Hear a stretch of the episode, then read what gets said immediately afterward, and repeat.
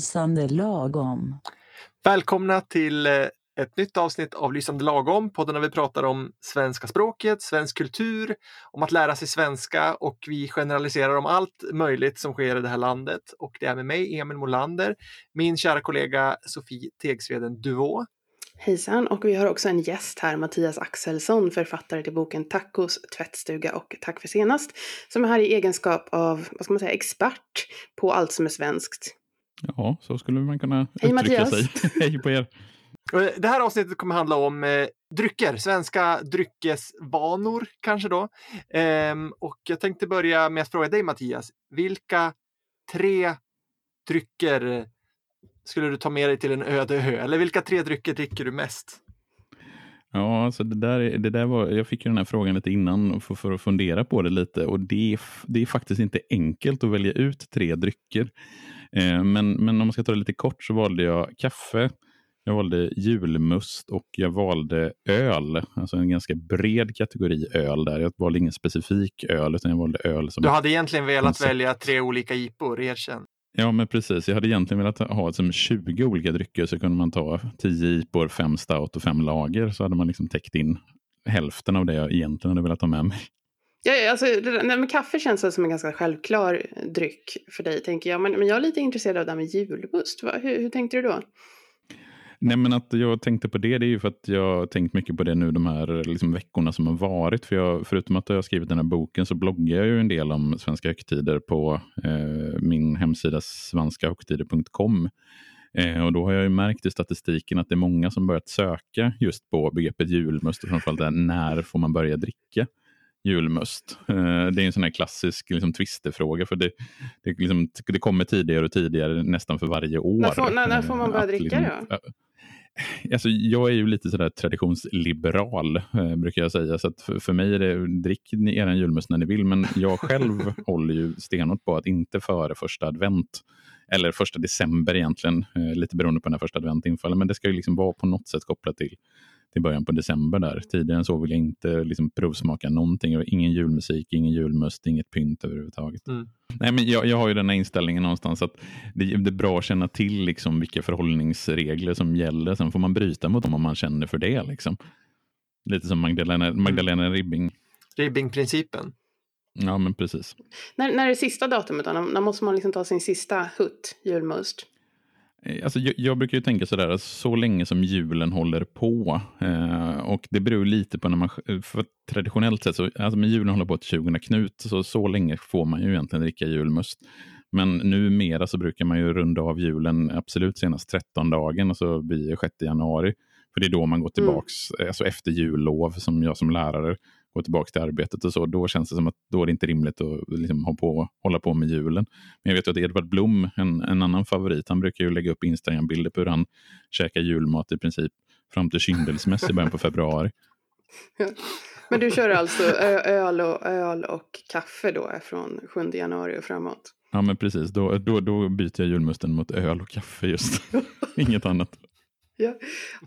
Vill, du, vill du motivera de här två, två dryckerna eller ska vi se det som ett, ett självklart val från din sida? Ja, alltså, för de som känner mig så är det ju ganska självklart, men jag tänker att alla poddens lyssnare känner ju inte vem, eller så vet inte vem jag är.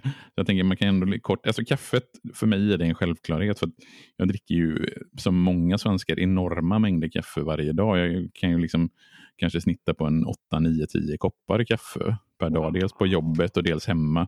Jag tar två koppar, två koppar kaffe på morgonen, eh, tre, fyra, fem koppar kaffe på jobbet, två, tre koppar när jag kommer hem. Eh, så att eh, kaffekonsumtionen, eh, jag skulle inte klara mig utan kaffe. Eh, Det är alltså så, Det det är alltså så du har klarat att skriva din bok tänker jag här direkt. För du hade så himla många projekt där. Men nu har vi alltså svar, svaret på den frågan. Ja, alltså, eh, du, åtta, de- vad sa du, de 6 sista- till 8 Koppar? 6 till 8 koppar, ungefär 68 brödskivor som Socialstyrelsen rekommenderar eller vad Ja, Brödinstitutet. Då, då, då ligger du över den svenska genomsnittet som ligger på Ja, jag, drick, jag, dricker nog lite, mer- jag dricker nog lite mer kaffe än vad genomsnittssvensken Mm. gör. Men, men absolut, alltså de sista dagarna innan vi skickade liksom boken till tryck så herregud vad jag bälgade kaffe de kvällarna och nätterna för att hinna eller orka sitta och liksom pilla med Men korrektur och sånt.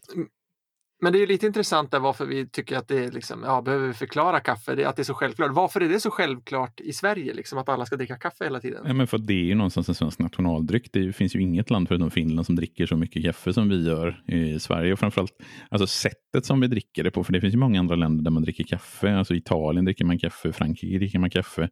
Men just det här att dricka bryggkaffe i ganska stora koppar det är ju det som gör att mm. vi dricker så mycket kaffe, alltså sådana mängder kaffe som vi gör i Sverige. Och det är liksom det är en dryck. Man dricker inte bara en liten espresso på morgonen, utan hela liksom det svenska sociala samspelet hänger, liksom är upphängt kring de här kaffepauserna eller fikapauserna och då är det naturligt att dricka kaffet på de här fikapauserna. Så att, ja, det är en nationaldryck på något sätt. Men, men, men det där är ju intressant också för att okej, okay, man dricker ju kaffe ofta i andra länder, men då, då får man väldigt lite. Men det där har ju förändrats lite i Sverige också. Min pappa då som är över 80, han tycker ju att han vill ju absolut inte ha kaffe i en mugg som alla, man får liksom en stor mugg nu för tiden. Han vill ju dricka i en liten kopp med ett fat. Så dricker man kaffe tycker han. Men det där har liksom ändrats lite de senaste åren, eller hur? Ja, det märker jag också jättetydligt. Så, alltså, när mina farföräldrar var i livet och när vi hälsade på farmor och farfar i Östergötland, det var ju liksom aldrig att man fick kaffe i de här stora muggarna, utan det det var ju precis som du säger, det var de här små kopparna. Jag tror att, att vi dricker kaffe i liksom stora muggar, alltså på det här stora sättet, det tror jag har mycket med kafékultur och liknande att göra. Mm. Att vi mm. liksom har fått ett annat sätt att umgås kring kaffet eh, än kanske de här liksom kafferepen man hade hemma på ja, sen början på 1900-talet. Det är så kallt i de där små, små tunna kopparna. Liksom kaffet kaffet liksom blir blaskigt och äckligt och kallt efter bara ja, någon Framförallt minut. man får inte de mängder kaffe man, man behöver. Mm. men, men man kanske behövde dricka det fortare för att man skulle ut och jobba. Det är ju så det är Emil i Lönneberga, han dricker kaffet på fat. Mm. mm. För att man måste liksom, det ska kallna, svalna snabbt så man hinner ut och göra det man ska. Ja, man, ja men, och, och, kaffet var ju helt annorlunda. Det var ju liksom en helt annan typ av kaffe. Man drack det liksom i andra sociala sammanhang när det var liksom ett bondesamhälle. Uh, det är ju... Vadå en annan typ av kaffe? Var det inte samma? Nej, men alltså, vi, vi dricker, alltså, kaffet är mycket finare idag. Det är mycket liksom, mer specialiserat och det ska vara olika sorter och det är olika bönor och det finns olika typer av rostning. Ja, men lite samma sak som med ölet uh, som var min sista dryck där. Att uh, mm. tittar vi tillbaks på öldrickandet, alltså det räcker ju med att gå tillbaks till alltså, 90-talet Eh, så var ju ölutbudet otroligt mycket mindre än vad det är idag. Alltså idag har vi ju, ja, som du sa där, alltså det finns ju massa olika sorters IPor. Det finns New England-IPA, det finns APA, det finns Stout och Porter och det finns olika sorters lager. Alltså det finns ju ett helt annat utbud än bara en stor stark eller en, en, liksom en, en, en, eh, en ljus lager att köpa. Både på systemet men också på krogar har ju ett helt annat utbud. Och samma sak är det med kaffet. Att vi har blivit mer individualiserade i vårt sätt att konsumera de här dryckerna. Mm. Till och med på bensinmacken så finns det ju massor med olika ölsorter numera. Men så ölsorter på bensinmacken? Va? Ja, men alltså till och med det finns liksom, ja, eller liksom på Ica, det finns liksom även lättöl och, och folköl. Ja, du tänkte liksom så. Ja, just det. Jag tänkte just att öl på bensinmack känns lite så uh, risky ändå. Nej, men det är ganska intressant där, för jag tänker att när jag kollar liksom bara på min liksom, lilla Ica-affär som jag har, har här precis innanför där jag bor, Alltså jag tror att det jag kan räkna till att det finns 25-30 olika sorters öl mm. på en liten liksom, lokal Ica. Det fanns det ju inte för 15-20 år sedan. Mm. Men det är väl ändå inte öl vi dricker mest av i Sverige nu för tiden? Nej, och det är många som blir förvånade när man liksom tittar på statistiken. För Sverige har ju varit liksom, från att ha gått från att ha varit en brännvinsnation liksom, i, på 18 och början på 1900-talet till att bli väldigt tydligt öldrickare under 1900-talet. Så någonstans där i slutet på 1900-talet så började det liksom vända och vi har blivit en vindrickande nation. Så tittar man procentuellt sett så är det definitivt så att det är mest vin vi dricker. Och det har ju väldigt tydligt med, med bag-in-boxen att göra. Mm. Men du dricker 6 till 8 glas öl per dag också, då, precis som kaffet eller? Nej, riktigt varannan. så illa är det faktiskt inte. Jag tar varannan kaffe, varannan öl. Varannan. Eh, Sofie, din tur. Vad, vad har du för drycker? Ja, alltså till, till skillnad från Mattias var det här absolut inte ett, ett, en, en, svår sak för mig. För det finns egentligen bara fyra saker som jag regelbundet dricker. Och eh, en av dem är kranvatten och det vill jag egentligen inte prata om. För det är någonting jag gör av nödvändighet och någonting som jag gör så lite som möjligt. För att eh, jag, har, jag har som en slags livsuppgift att liksom visa att det här med hälsogrejer är en stor bluff. Så jag, jag, dricker alltså tre saker och en av dem är precis som Mattias, kaffe. Och, och kaffe är liksom det jag startar dagen med, det är det som jag håller mig liksom eh, levande eller flytande med. Och eh, kanske lite som Mattias så är det också någonting som jag gör i slutet eh, av ett bokprojekt för att få allting klart och gjort och färdigt. Ehm, så, så, det dricker jag. Och sen, sen eh, numera dricker jag också mjölk. Eh, och det får inte vara vilken mjölk som helst utan jag vill ha Arelas mellanmjölk. Och det dricker jag på kvällen. Eh, för att kunna somna. Jag, jag, har haft lite sömnproblem förut men ett glas mjölk sådär framme vid tio brukar få mig att sova eh, gott. Så jag kan börja med kaffet igen nästa morgon. Du dricker inte mjölk till lunch då? Klassisk nej, nej, nej, då somnar jag ju. Det, somnar, det, det, det funkar inte. Utan litet, litet, litet glas vatten där så liksom att, ja, för att bete mig normalt och sen liksom hinkar jag på med kaffe direkt efter för att liksom motverka den här eh, paltkoman. Eh, mjölk, men mjölk var ju ett av de, en av de dryckerna som jag hade liksom precis utanför min lista. Jag hade uh, lika gärna kunnat ta med mjölk förmodligen. Men har du det också som det här sömnmedlet? Eller du var en mera pizza, mjölk, Jag har ju mer den här liksom mm, barnsliga inställningen till mjölk. Att det är gott att dricka till nästan vad som helst. Jag kan ju dricka mjölk till mat eller till fika mm. eller till vad som Nej. helst. Mm, nej, nej, nej, nej, nej. Jag går bort. Men sen kan vi spola tillbaka, för då, det är de här två sakerna jag dricker nu. Men om vi skulle spola tillbaka en sån där, vad ska vi säga, hur gammal är jag? Eh, knappt 20 år, så det jag drack då, det var strumpvinet.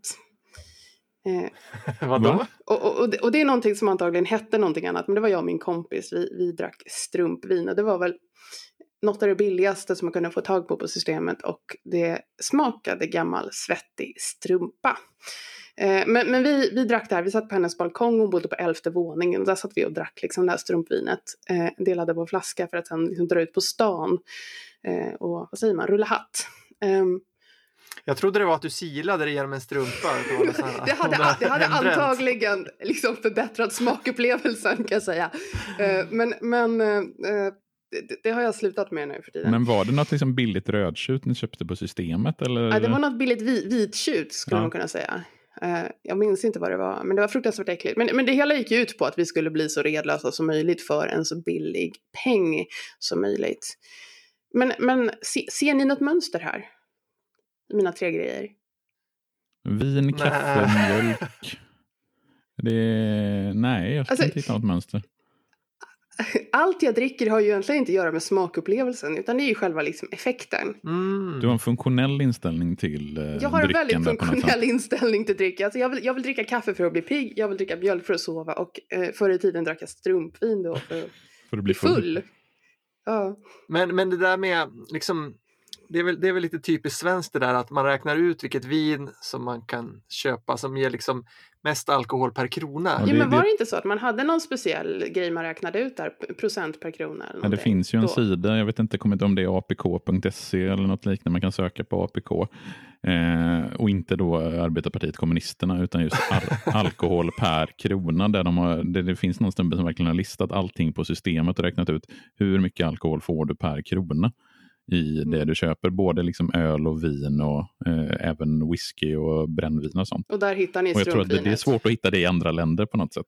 Precis, alltså jag ska säga, jag, jag bor i ett franskt hushåll och hela den här liksom tanken är ju vulgär då från, från det här liksom sydeuropeiska eh, perspektivet där allting går ut på liksom en mer estetisk upplevelse. Jag tror du också Emil har pratat om din fru att, att det här vinet smakar lakrits och lite ek och sådär. Att det finns någon slags liksom, mm. upplevelse kopplad. Så, som jag också kan tänka mig att du håller på med med dina IPor där Mattias. Men, men, men något sånt håller ja. jag alltså inte på Nej, med. Men jag tänker, har det inte liksom ganska tydligt, för det är ju väldigt eh, typ, typiskt som svenskt om vi backar kanske 20 år, alltså 1900-talet, just den, det förhållningssättet till alkohol. Att ja, men drick och drick för att bli full. För att det, liksom, det är så begränsat mm. när du får köpa och var du får köpa. Men har inte det lite grann förändrats under 2000-talet? Att vi har blivit mer, alltså det snackas mer, men till exempel med öl. Att man pratar mer om hur mycket beska eller hur mycket, vad, vad är det för typ av humle. Och nu dricker inte jag vin, men jag tänker att även där har det förändrats. Att man pratar mer om vilka druvor och smaker och dofter och liknande även på vinet. Ja, Hos vissa kanske, kanske inte hos gymnasieungdomar och sådär. Men, men, men, eh, men ja. dricker inte den svenska, svenska ungdomen mindre nu än, än vad man gjorde på min tid? Jo, det har gått ner ganska drastiskt eh, i hur mycket alkohol man konsumerar. Så, alltså, vi har inte alls samma fyllekultur bland ungdomar idag som det var kanske på 90-talet. Mm. Jag, jag, jag pikade där tillsammans med resten av svenskarna helt enkelt. Emil, vad dricker du? Ja, som vi börjar med eh, att gå tillbaka, inte 15 år utan kanske 25 år eller 30 år. Så då drack jag ju väldigt mycket O'boy. Både Åh, som gud, barn och även som, som ungdom faktiskt drack jag också ganska mycket O'boy. Jag kommer ihåg när jag jobbade på, eh, i, som köksbiträde på sjukhuset i Östersund så fick man eh, fick ju liksom gratis frukost. Och då kunde jag dricka en liter O'boy till frukost där på jobbet. Och, och, boy, eh, och boy per krona. ja, eh, och det är ju lite konstigt. Alltså O'boy, jag vet inte hur det är nu, men det var ju liksom det var ju det barn drack. När man kom hem från skolan till exempel. En Skogaholmslimpa och eh, ett glas O'boy. Jag tror att det var extremt vanligt. Jag vet inte om ni har sett den här klippet med Henrik Schyffert när han ska ifrån landet brunsås. Där han pratar om vad han skulle liksom äta som sista måltid om han skulle hamna i en sån här eh, amerikansk liksom, dödscell där man får välja. Och han skulle välja det, liksom, om det är en Skogaholmslimpa med hushållsost och Margaretas apelsinmarmelad och ett stort glas O'boy med liksom, så mycket O'boy så att skeden liksom, kan stå rakt upp. Mm. Liksom, ta, ös på med O'boy bara. Det finns ingen gräns, bara ös på. Så när du, Mm. sa, när du började prata om barndom, då var jag tvungen att tänka på det här med välling. Ehm, det är ingenting jag dricker själv, men det, det är ju något extremt svenskt också som, som jag hör att folk chock, chockeras över när de kommer hit. Eh, bubblare, fortsätt. Ja. ja, min nästa dryck är i alla fall eh, eh, kranvatten. Yes. Det är ju det so- som jag alltid dricker till exempel om jag går ut på restaurang. Okej, om, ni, om det inte är något väldigt speciellt så att jag köper öl eller vin. Men kranvatten, det är ju väldigt gott, i alla fall i vissa delar av Sverige här där jag bor. Eh, det är billigt, det är inte onyttigt. Det är liksom den perfekta drycken. Och just det här att man liksom bara kan dricka kranvattnet överallt, det är ju liksom eh, en lyx. Och det är väl också väldigt svenskt tror jag. Och kan, jag vet inte, nu är det väl inte så, men jag minns att när man var liten då var det där liksom att när man ska utomlands då måste man köpa fla- flaskvatten. Men, men hemma i Sverige kan man minsann dricka det här liksom fantastiska eh, kranvatten. Så det är väl också en sak som sitter i vår folksjäl tänker jag nästan. Att, att liksom vi är väldigt Mm. stolta över vårt, vårt fina kranvatten. Eh, Nej men, nej, men det är ju väldigt tydligt så att när man tittar, liksom, reser runt i andra länder, att eh, alltså det finns en helt annan inställning till att dricka av kranvattnet. Eh, att man, liksom, precis som du säger, köper flaska. Och, alltså, vi svenskar är ju väldigt, väldigt stolta över att vi, kan, liksom, att vi har ett rent vatten och det liksom, kopplas väldigt tydligt ihop med hur vi svenskar ser på oss själva. Det här med att, eh, att man kan lita på det offentliga, man kan lita på vattenverket, man kan lita på att det vattnet som kommer i kranen är liksom ett bra och gott vatten som går att dricka mm. Jag vet en, eh, en tjej som kom till Sverige från, som utbytesstudent från östra Polen och så hamnade hon, kom hon fram sent en kväll och hamnade i sitt studentrum här, eh, i Umeå. Och hon, eh, alla mataffärer var stängda och hon var så himla törstig. Och hon blev helt desperat för det fanns ju ingenting att dricka. Och sen några dagar senare fick någon, sa någon så här, men du kan ju bara dricka kranvatten. Va? det var liksom, och det, det är ju som ett skämt för en svensk att tänka att ja, men, vadå, sitt, va, hamna någonstans och inte ha något att dricka, det, är liksom, det låter jättekonstigt. Mm, Det här bäddar ju för någon slags liksom, terroristattack eller cyberattack eller någonting. Liksom. Ja. Vi, liksom, vi, vi Mm. kan eliminera varenda svensk på liksom, ett dygn bara genom att... Ja. Nummer tre, Emil. Nummer tre, nu, och nu kommer det bli lite förvånade. Calimocho. Vad hette det? Calimocho! Är det den där brasilianska? Vänta, Nej. vänta, jag, ska, jag ska googla på det här. Ja, det stavas med TX. Men det det där, det, det, TX. det där är någonting från din, din tid i Sydamerika tror jag. Eller något sånt. Nej, nej, nej, det här är spanskt. Det är spanskt. Ja, det är, det är nog kanske till och med nordspanskt eftersom det stavas med TX där, mocho. Eh, något baskiskt kanske. Det är ju rödvin och cola. Ah, jo, ja, det där har jag också druckit i Spanien. Ja, det här känns ju lite modernt tycker jag för att... Eh, Du är eller- lite före. Men, ja, tror, tror du att det kan slå igenom i, i liksom det här socker, sockerrädda Sverige? Att blanda cola med rödvin? Ja, alltså... Man kan eh, Cola light. Cola light? Ja, exakt. Eh, jag brukar ju också då göra en, eh, en julvariant eh, som jag kallar för Jauli Mocho. Och det är julmust. Det är alltså man tar ju, julmust istället för Coca-Cola. Cirkeln är Det sluten. Julmust jag- och rödvin alltså. Det, det kan jag verkligen rekommendera. Alltså Mattias, du måste testa det. Det är Det väldigt låter gott. vidrigt om du frågar mig. Men... Ja, men alltså om man är som jag, att man gillar sånt som är sött, då blir det gott. Men är inte det lite likt mumma, tänker jag? Eh, Vad är det? Alltså, mumma det är, också, det är en sån här juldryck. Jag vet inte hur populärt det är nu för tiden. Men det är att man blandar alltså någon typ av sötare alkohol, till exempel vin eller typ porter med, eh, med julmust. Eh, Mm. Och lite andra, eh, man kan ha lite sprit och sånt i och lite kryddor. Men då det är ju en juldryck som man har druckit i Sverige ganska länge. Ja, men då Jag så. det, det, då är det liksom, traditionellt. låter lite åt det hållet. Så det är en klassisk svensk dryck det här, Calamocho. Jag kan rekommendera alla att, att testa Jauli Mocho här i jul. Men nu, nu, nu, nu, nu är ju den här liksom, drycken på något sätt liksom berättigad, att den har en berättigad ex- existens liksom, just för att den kommer från Spanien, tänker jag. För att om det här var Mm. någonting som någon hade uppfunnit liksom, i Norrland, då hade det ju knappast liksom, sett som någonting drickbart. Liksom. Nej, precis, för det normal här är ju hemkört och lingondricka. Vargtass. Ja, ja, men Eller? alltså, det, det tycker det jag, det tycker jag pass, passar bättre med den, den svenska liksom, själv, själv, självbilden just nu. Liksom. Det känns väl lite ekologiskt och lokalodlat och vad heter det, närodlat och fint. Men alltså, Mm. Nej. Okej, vi, vi tar om det här och så säger jag att jag dricker vargtass istället. Ja, precis. lingondricka. Nu är det ute och kör med Det passar, det skoter. liksom passar mer, mer svenskt, liksom mer norrländskt, mer stereotyp på något sätt. Inte något baskiskt det blir Nej, konstigt. nej, det är sant. Men jag undrar om det där, alltså det där är ju från Sällskapsresan 2 då, när det är några som är från, vad är det de kallar det, Ormträsk i, i Norrland. Så, ett, ett sätt som ingen norrlänning skulle beskriva var de kommer ifrån. Men de Är säger det i alla Staffan och fall. Bengt-karaktärerna precis, där. precis. Ja. Och de dricker vargtass, hemkört och lingondricka. Jag tror att den drycken, drycken uppfanns i, när den filmen gjordes. Jag tror ingen, ingen, det är liksom inte en norrländsk eh, känd dryck sen innan den filmen. Eller Mattias, har du någon annan information? Nej, jag, nej, jag tror också, för det, det är inte ovanligt att det där, att eller, grejer som det skojas om i film eller reklam och sånt faktiskt sen blir en grej, att det liksom sätter sig. Så att det kan det mycket väl vara. Och på tal om vargtass och vad heter det, Julimucho? Julimacho? Ja, eh, Ja. Jauli Mocho. Jauli mucho, macho.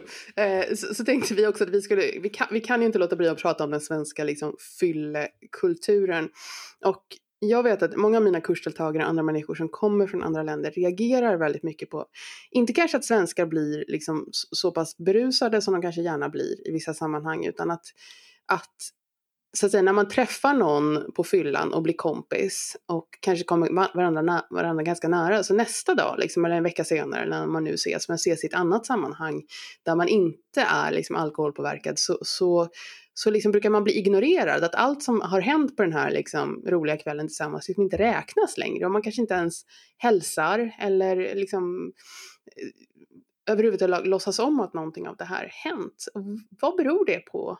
Mattias, du som Ja, det, tyckte jag var, det, men det tyckte jag var lite intressant för att jag kommer ihåg att när, ganska tidigt när jag liksom skrev, höll på med manuset till, till boken så vet jag att du la in en kommentar kring det där. För jag har ett av uppslagsorden tror jag i boken, eftersom fortfarande kvar är väl fylla. Att Mm. jag skriver om liksom, vad fylla är för någonting.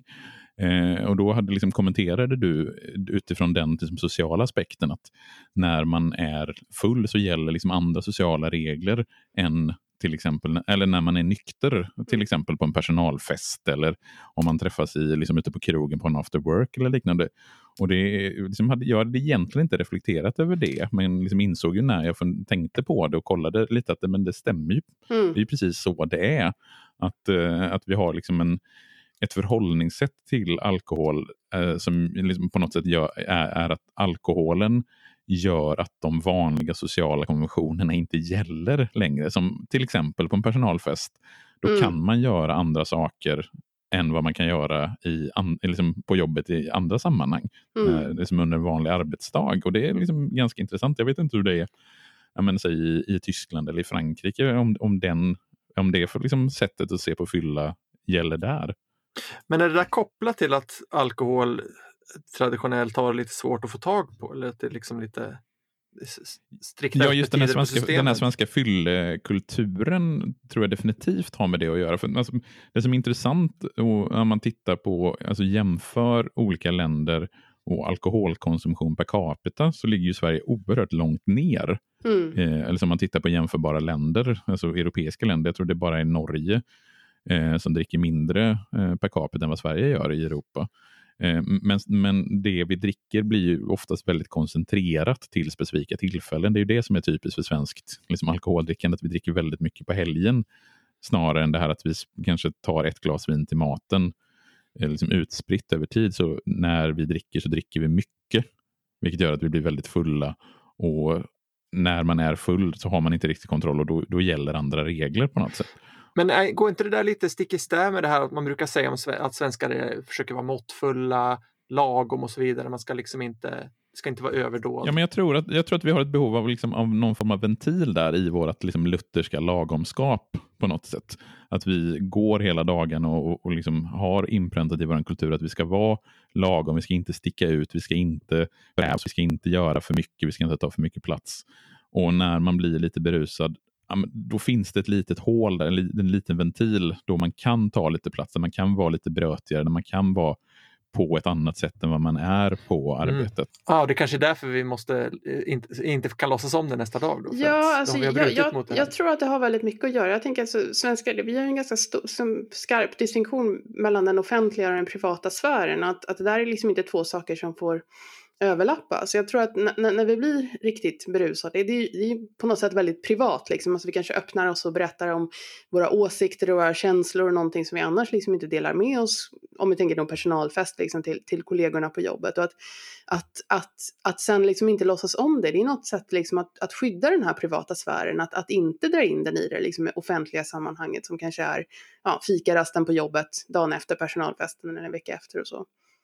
Ja, alltså det, det är just den här separationen mellan arbete och fritid och mellan offentligt och privat tror jag är jätteviktig att liksom förstå mm. för, att, för att förstå hur, alltså varför svenskar beter sig som de beter sig på, på fyllan. För det är precis som du säger att generellt sett så ja, men i fikarum, man pratar inte, man liksom är inte väldigt öppen i fikarummet utan man, ja, man, pratar, man kallpratar, man pratar väder, mm. man pratar lite sådär. Men på en personalfest när man har druckit några bärs, då kan det bli att man pratar om helt andra saker. Och då är det nog bäst att sen i fikarummet inte liksom, ja, men man, låter det, man låter det bero, man låter det vara för mm. att det blir för jobbigt om det ska upp i fikarummet i nykter tillstånd, herregud.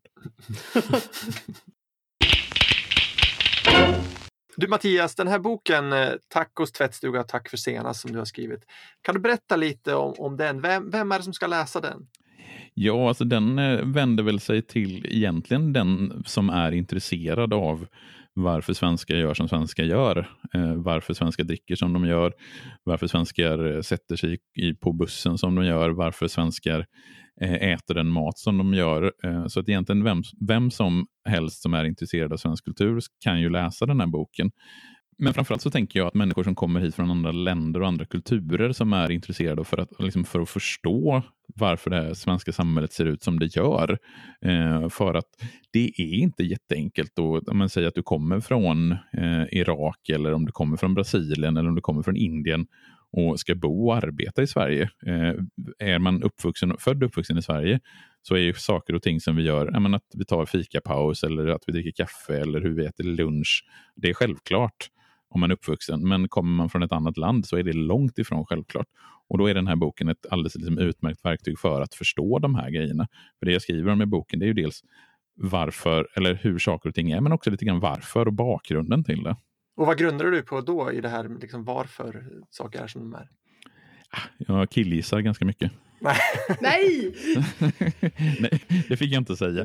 nej, nej, men alltså skämt åsido. Jag, det jag grundar det här på det är ju inte mitt eget tyckande eller vad jag själv liksom tror. För det är väldigt lätt att man har en bild av sin egen kultur. För jag är liksom svensk, jag är född i Sverige, uppvuxen i Sverige, jag har liksom levt hela mitt liv i Sverige.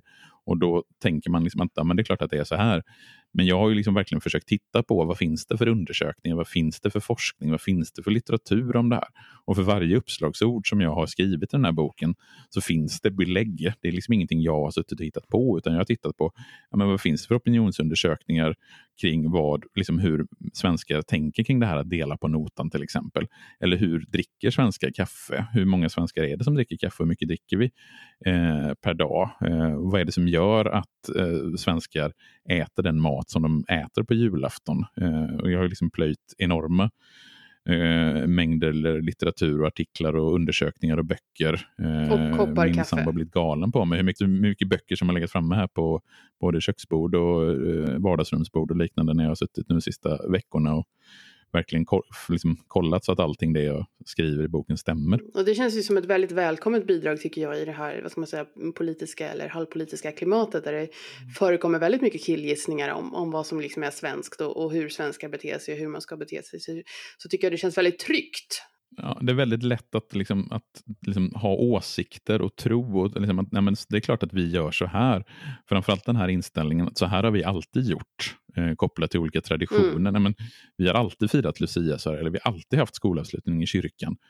Nej, det vi har ni inte alls det. alltid blandat julmust med eh, rödvin. Ja, men precis. Klassisk svensk tradition. Ja. ja, det, är, det är en jätteintressant och jättebra bok som jag tycker alla borde köpa. Kanske årets julklapp här, eh, vi får väl se om den blir utsedd till det här nu snart. Eh, den heter alltså Tacos tvättstuga och Tack för senast och den finns att köpa i nätbokhandeln. Och den här boken kommer ju också komma ut på engelska nu i början på 2020. Så det kan ni se fram emot. Tack Mattias Axelsson för att du var med. Tack så mycket. Eh, om ni vill veta mer om Mattias och hans bok Tacos tvättstuga och Tack för senast så gå in på lysförlag.com slash svenska vanor, svenska vanor med ett litet bindestreck där. Eh, så hittar ni mer information och också lite eh, en liten undersökning som vi har gjort om vad svenskarna tror är svenskast och ni kan se resultatet där. Tack för att ni har lyssnat. Tack, hej då. Hej då.